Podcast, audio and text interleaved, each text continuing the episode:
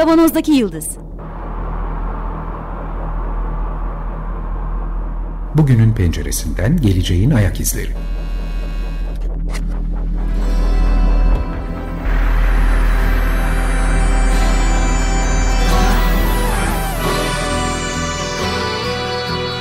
Hazırlayan ve sunanlar İsmail Başöz, Haluk Levent, Mustafa Yılmazer ve Fethiye Erbil.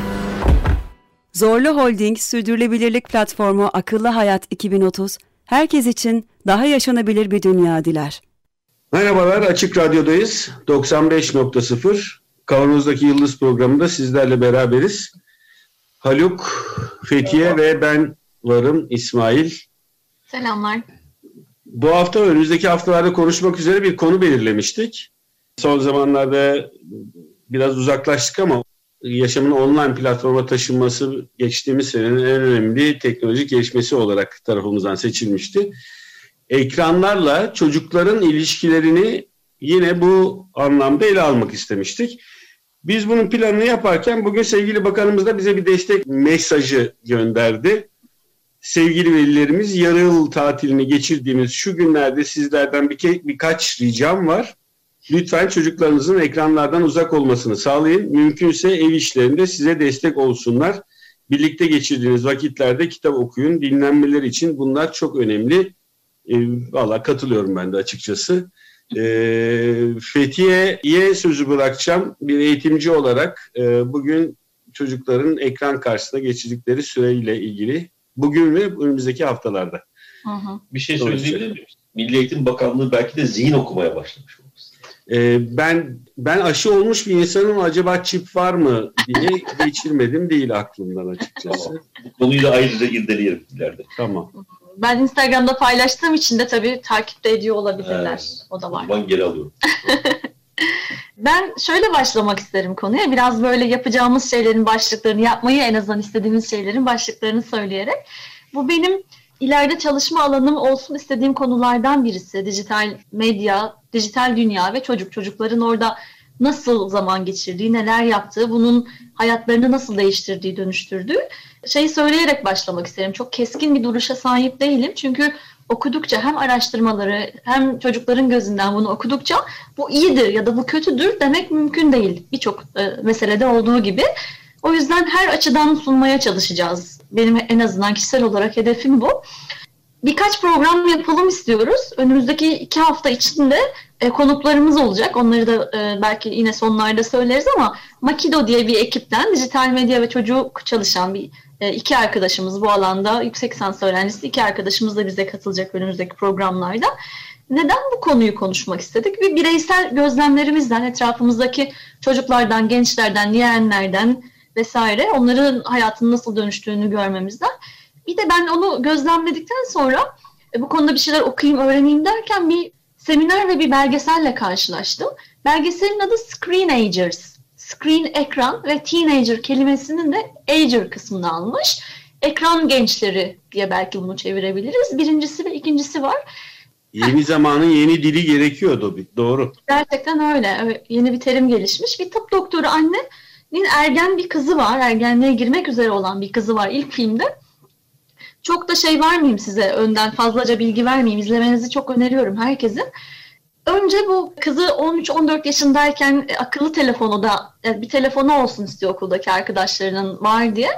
Neden olmaması gerektiğini birlikte konuştukları, okuldaki diğer çocukların ne yaptığı, bunun güvenliği, güvenli olup olmamasıyla alakalı onları anlamaya çalıştığı bir belgeseli görüyoruz. Çocuklar ekran başında ne yapıyor, ne gibi fiziksel, duygusal etkileri oluyor diye.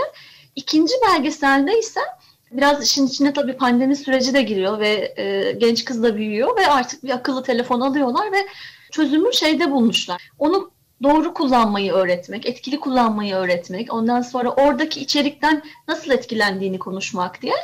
Bu iki belgeseli izlememi sağlayan etkinlik Eflatun Psikoloji diye bir psikoloji ekibinin paneliydi.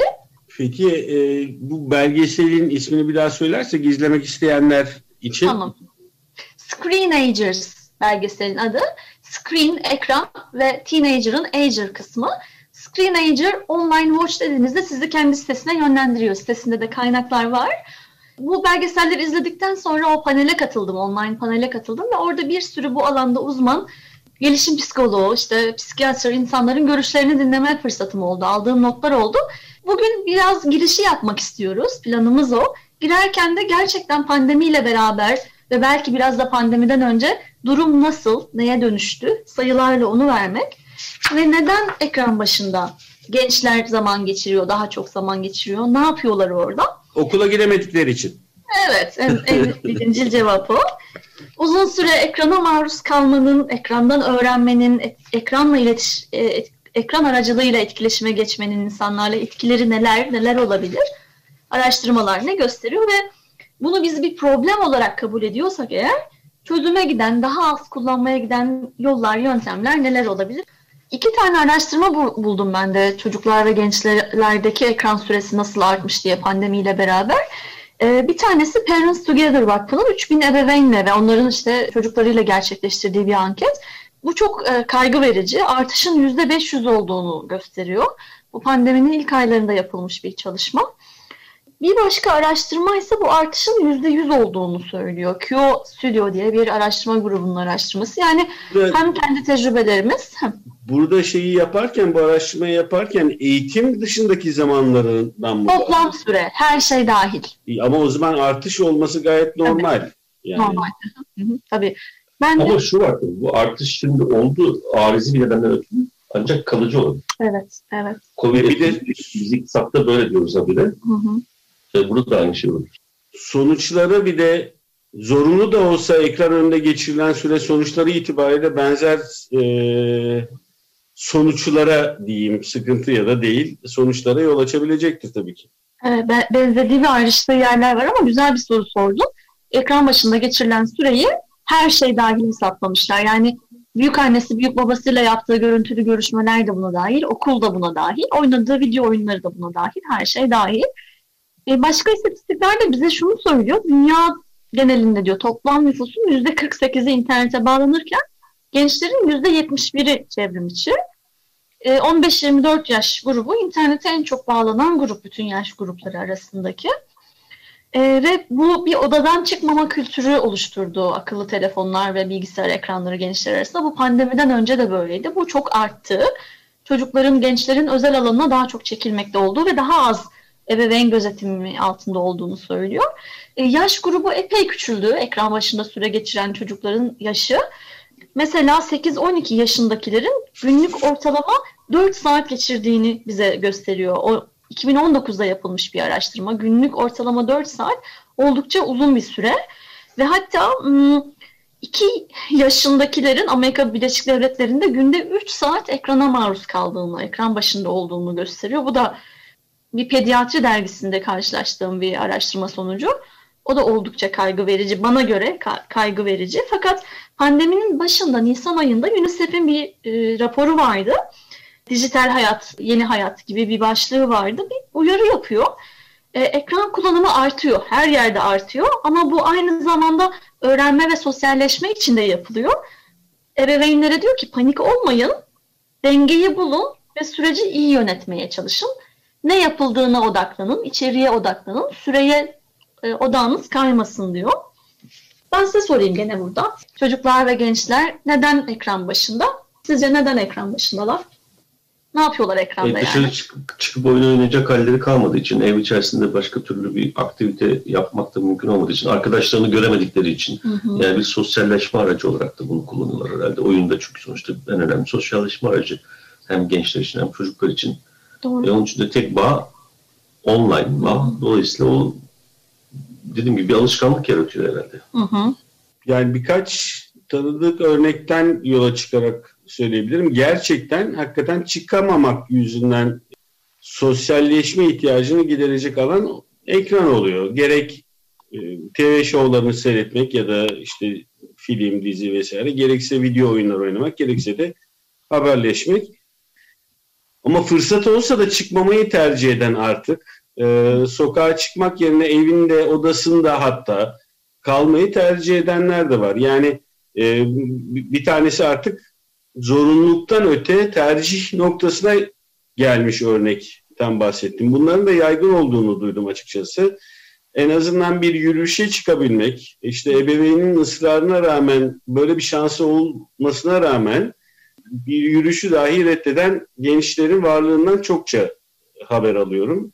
E, değişik şekillerde gerçekleşiyor demek ki bu Hı-hı. ilişkiler yani. Tam da belgeselde, ikinci belgeselde onu söylüyor. Biraz dışarı çıkın, arkadaşlarınızla buluşun, biraz yürüyüş yapın diyor. Senin de dediğin gibi anne baba.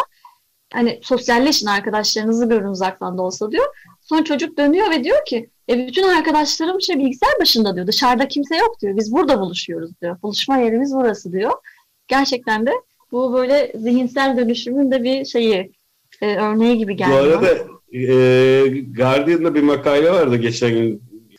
Sarılamamaktan kaynaklanan ruhsal problemler üzerine yazılan birçok makaleden biri aslında böyle bir ihtiyacı da mı yok acaba gençlerin hani yan yana böyle bir dokunmak, işte şakalaşmak vesaire gibi bir ihtiyaçları da yok muhtemelen. Yani herkesin ekranda olması yetiyor onlara demek. Vardır bence ve o karşılanmayan duygusal ihtiyaçların da başka şekilde sonuçları olabilir insan bence vücudu üzerinde ve duygusal dünyası üzerinde. E, araştırmalar da şunu gösteriyor. Beni en çok etkilen buydu bu panelden öğrendiğim. Biz ekrana stresli hissettiğimiz zaman, kaygılı olduğumuz zaman, depresif duygular içinde olduğumuz zaman, zorlayıcı duygulardan kaçmak istediğimiz zaman daha çok dönüyormuşuz. Ekran deyince doğrudan aklınıza işte televizyon ya da bilgisayar ekranı gelmesin. Sosyal medyaya bakmak anında gibi. Ben bunu çok yaşıyorum. Orada bir aydınlanma anı hissettim. Baktığım ilginç bir şey yok. Merak ettiğim bir şey yok bir takip ettiğim bir haber yok mesela herhangi sıradan bir günde ama tezle ilgili zorlandığım bir şey var. Bir şey yazmam, bir şey anlamam gerekiyor. Sık sık 10 dakikada, 15 dakikada bir ekrana kaçıyorum. Ben bunun sebebini bilmiyordum. Bağımlı olduğumu ancak tahmin edebiliyordum ama orada anladım ki bu zorlayıcı duygulardan da bir kaçma stratejisiymiş meğer. Duygulardan uzaklaşma, duygulara dönmeme, onlarla yüzleşmeme stratejisi diyor. Sizin de dediğiniz gibi hem pandemi öncesi hem de pandemide yoğun bir şekilde okul sonrası, eğitim sonrası katılabilecek aktiviteleri bütün dünyada gençlerin çok azaldığı. Spor yok, müzik yok, dans yok hayatlarında. Beraber yapabilecekleri bir şey yok. Haluk lisede e, halk oyunlarındaydı değil evet, mi? Hep sarılırdık. Okula gidiyoruz. Ekstra istemez. Dans edeye de profesör olmuşsunuz yahu. Evet. Hatta şöyle de biz tabii yine bir profesör bir arkadaşımla beraber yıllar sonra ben İTÜ'de e, öğretim görevlisi, o da İTÜ'de şeydi, öğretim üyesiydi. Coştuk ve bir derneğe gitmeye başlamıştık düzenli. eh, yani işte sosyalleşme ortamları değişiyor. Evet sarılıyorduk ya da el ele tutuşuyorduk. En kötü bir temas halindeydik değil mi birazdan diye. Evet. Biz de lisede, ben de yatılı okudum liseyi Edirne'de öğretmen lisesinde hem öğle aralarında dediğin gibi ben de edebiyat tiyatro kulübü onun çalışmalarına katılırdım. Hem okul çıkışında provalarımız oluyordu. Ee, akşam gece saatlerine kadar süren. Akşam etüt oluyordu, telefon yasaktı. Hafta sonu mutlaka yaptığımız başka sosyal aktiviteler oluyordu. Çok, Bunlar olmayınca çok uzatıp romantik bir program haline döndürmek istemem asla bu programı. Ee, ama kısaca bir şey söyleyeceğim. En büyük etkinlik sokak oyunlarıydı tabii. Evet. Gerçekten evet. E, sokakta oynamak Şimdi büyük şirketlerde insanların takım ruhunu geliştirme dramaları vesaire gibi etkinliklerin e, aslında çocukken sokakta gerçekleşmesi söz konusuydu. Peki tamam ama yani biz hep söyledik hayat böyle bir akış içerisinde bu böyle gerçekleşiyor. Son zamanlarda çok arttı. Fethi akış planını bozma pahasına bir şey soracağım. Ee, peki çocuklarda zararları yararları konusunda neler söyleniyor? Tam, yani... tam oraya geldik. Tam oraya geldik aslında. Oraya gelmeden önce şu notu mutlaka düşmek isterim. Tarihe bu kayda düşmek isterim. Aa, Dijital uçurum diye bir kavramdan bahsediliyordu. Daha düşük gelirli ailelerin çocuklarının teknolojik imkanlarının olmaması olarak bu e, tanımlanıyordu. Artık o tanım da biraz tersine dönmüş durumda. O tanım bir yerde duruyor ama başka bir dijital uçurum daha olduğunu okuyorum ben. O da şu, e, düşük gelire sahip ailelerin çocukları ekran başında pandemi öncesinde de böyleydi. Bu daha uzun vakit geçiriyor ve daha kötü içerikle karşılaşıyor. Faydalı olmayan içeriğe maruz kalıyor. Ve daha yüksek gelir grubuna sahip ailelerin çocuklarına aileler vermiyor. Ekran başında olmalarına müsaade etmiyorlar. Daha düşük teknolojili okullara gönderiyorlar. Hatta hiç teknolojinin olmadığı. ve mutlaka okul dışı sanatsal kültürel etkinliklere de gönderiyorlar. Böyle bir e, dijital uçurum, gelir uçurumu da devam ediyor. Etkilerine gelecek olursak şöyle bir tarama yaptığımda bir liste çıkıyor. Diyor ki ekran başında daha çok zaman geçiren gençler, bütün insanlar aslında, bütün bireyler aşırı uyarana maruz kalıyorlar. O yüzden de odaklanma problemleri oluyor bir kere. Sakinleşememe problemleri oluyor gün içinde. Hatta farelerle yapılan bir deneyde ekrana daha çok maruz bırakılan farelerde onu nasıl yaptıklarını bilmiyorum. E, sinir hücrelerinin sayısında zamanla azalma olduğu görülmüş. Bu kaygılanmamız gereken bir konu diyor. Yıllar içinde yapılan, uzun yıllar boyunca izlenen çocuklarda da akademik başarının düştüğünü söylüyor. E, ama en büyük düşüşün de e, daha düşük gelirli çocuklarda olduğunu söylüyor. E, uyku problemleri en sık karşılaşılan problemlerden çünkü gece ilerleyen saatlere kadar ekran başında kalıyorlar. Bu sefer geç uyanıyorlar ve günlük e, ritimleri değişiyor. Fiziksel e, ritimleri de değişiyor. Siber zorbalığa maruz kalmaları artıyor. Bu oran artıyor. Bu da elbette psikolojik sağlıklarını etkiliyor. Bir de sosyal medya kullanımına dair e, belgeselde de çok sık altı çizilen bir şey vardı. Oradaki genç kızın hikayesinden kendilerini, kendi kişiliklerini, karakterlerini, algılayışlarını değiştiriyor ve kendilerini bir fiziksel bir şey olarak, bir, bir vücut olarak orada algılıyorlar ve her zaman güzel ve özellikle e, genç kızlar için bu güzel ve bakım bakımlı görünme baskısı altındalar ve birbirlerini öyle yargıladıkları konuşuluyordu. Fakat biraz daha detaylı yaptığım e, araştırmalar şey diyor. Bunları görebiliyoruz ama bunları e, söylerken dikkatli olmalıyız. Çünkü bu çalışmaların çoğu ilişki çalışması, ilişkiye bakılan çalışmalar. Bunlar tabii deneyle gösterebildiğimiz sonuçlar değil. Yüksek bağıntı, değil mi? Böyle anlatabilirim. Yüksek korelasyon bulunmuş bu değişkenler arasında. Şimdi şöyle benim tabii derslerden edindiğimizin ki bu sadece bana özgü değil yani neredeyse bütün öğretim arkadaşlarım aynı şeyi söylüyorlar. İsim yazılı düz duvara konuşuyoruz. Hı hı. Saatlerce. Tabii. Yani öğrenciler mesela derslerde sınıf ortamı yaratmayı, bizimle e, temas kurmayı reddediyorlar. Bunun bir kısmı bizden kaynaklanıyor büyük ihtimalle. Yani Hı. o online eğitim araçlarını kullanma yeteneğimiz yeteri kadar gelişmediği için onları çekemiyoruz.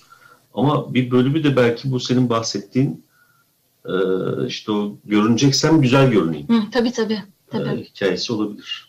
Ee, bir çalışma bebeklerde başlanmış. Bebekler 3 yaşına kadar takip edilmiş bebekler ve anneleri.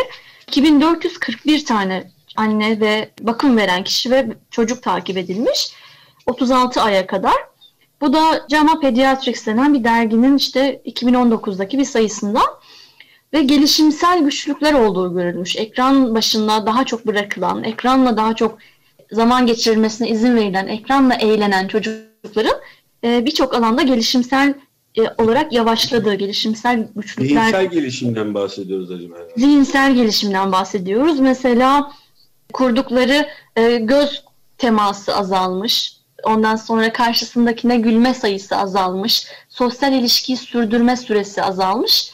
Odaklanma süresi azalmış diyemem de daha kısa diğer gruba kıyasla. Onlara bakıldığında doğrudan sebebinin bu olduğunu iddia etmek güç olsa da biraz da şey söylüyor obeziteyi tetiklediğini daha rahat söyleyebiliriz. Çünkü fiziksel olarak aynı yerde oturuyorsun ve çok hareket et, etmiyorsun haliyle. Evet ben kendi bel kalınlığımdaki evet. değişimden bunu görüyorum.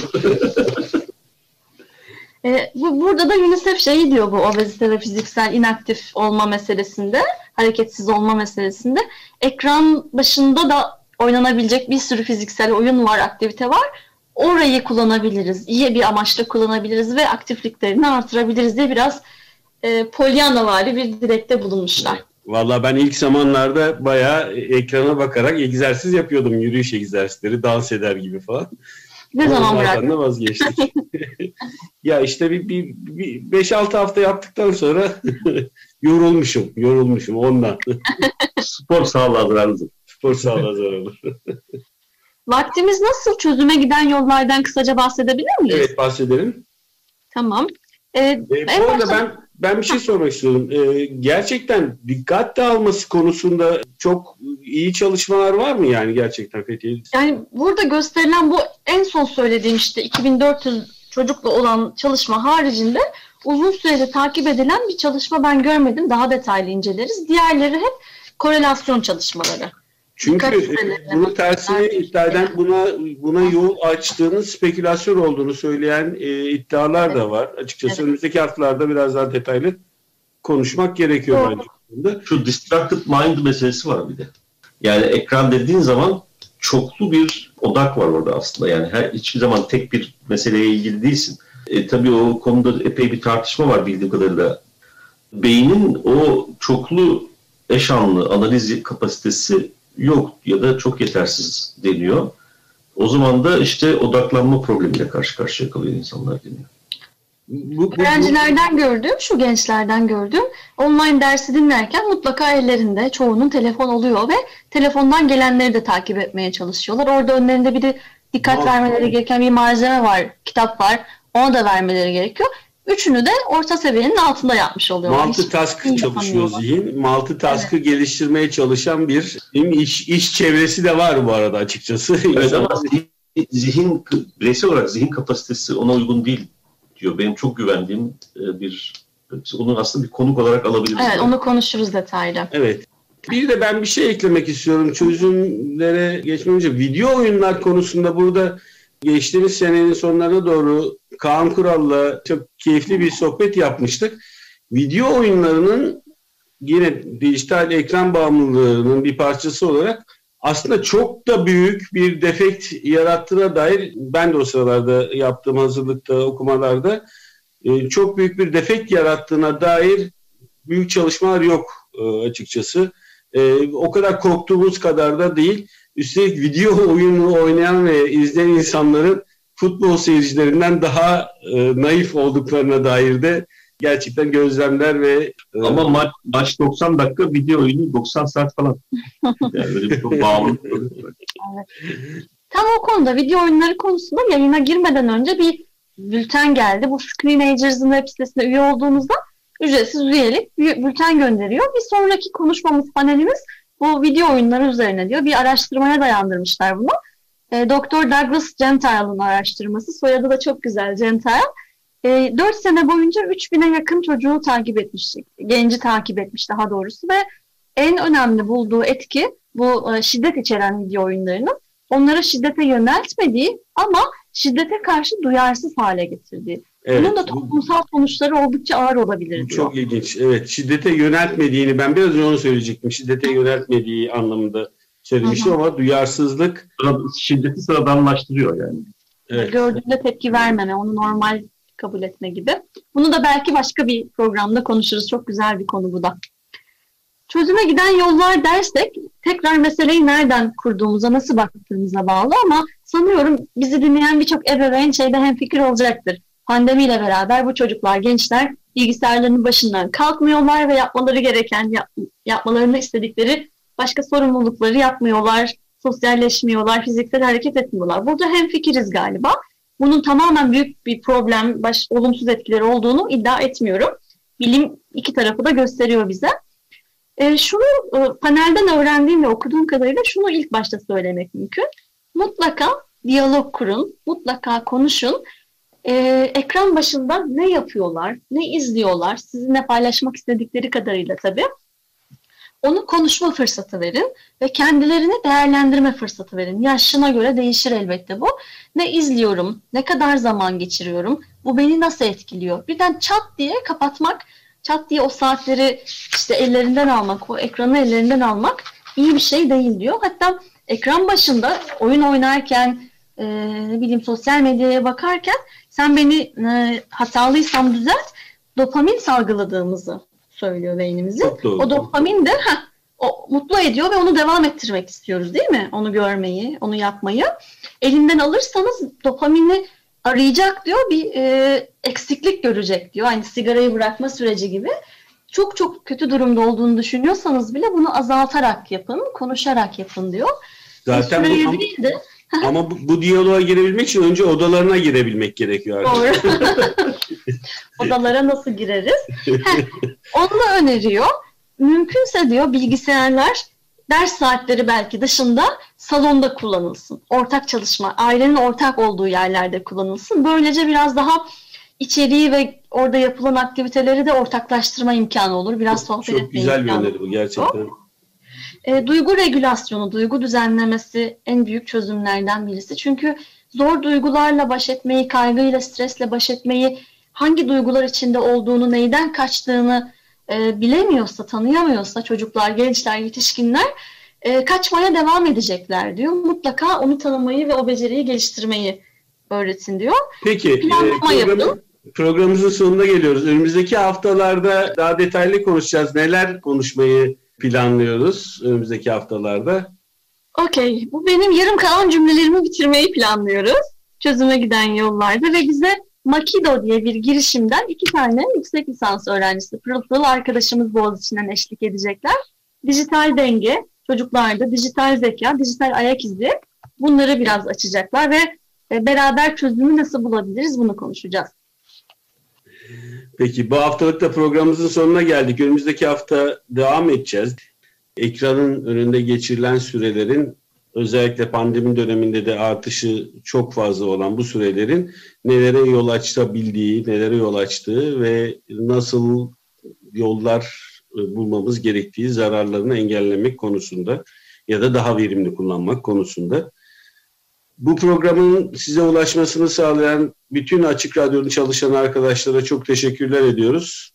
Program destekçimize teşekkür ediyoruz tekrar. Önümüzdeki hafta görüşmek üzere. Sağlıkla kalın. Hoşçakalın. Hoşçakalın. Görüşürüz.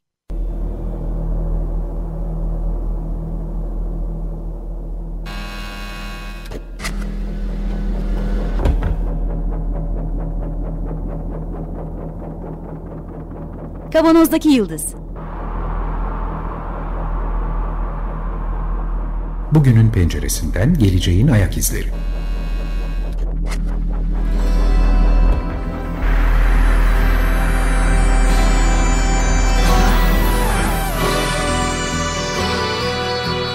Hazırlayan ve sunanlar İsmail Başöz, Haluk Levent, Mustafa Yılmazer ve Fethiye Erbil. Zorlu Holding Sürdürülebilirlik Platformu Akıllı Hayat 2030 sundu.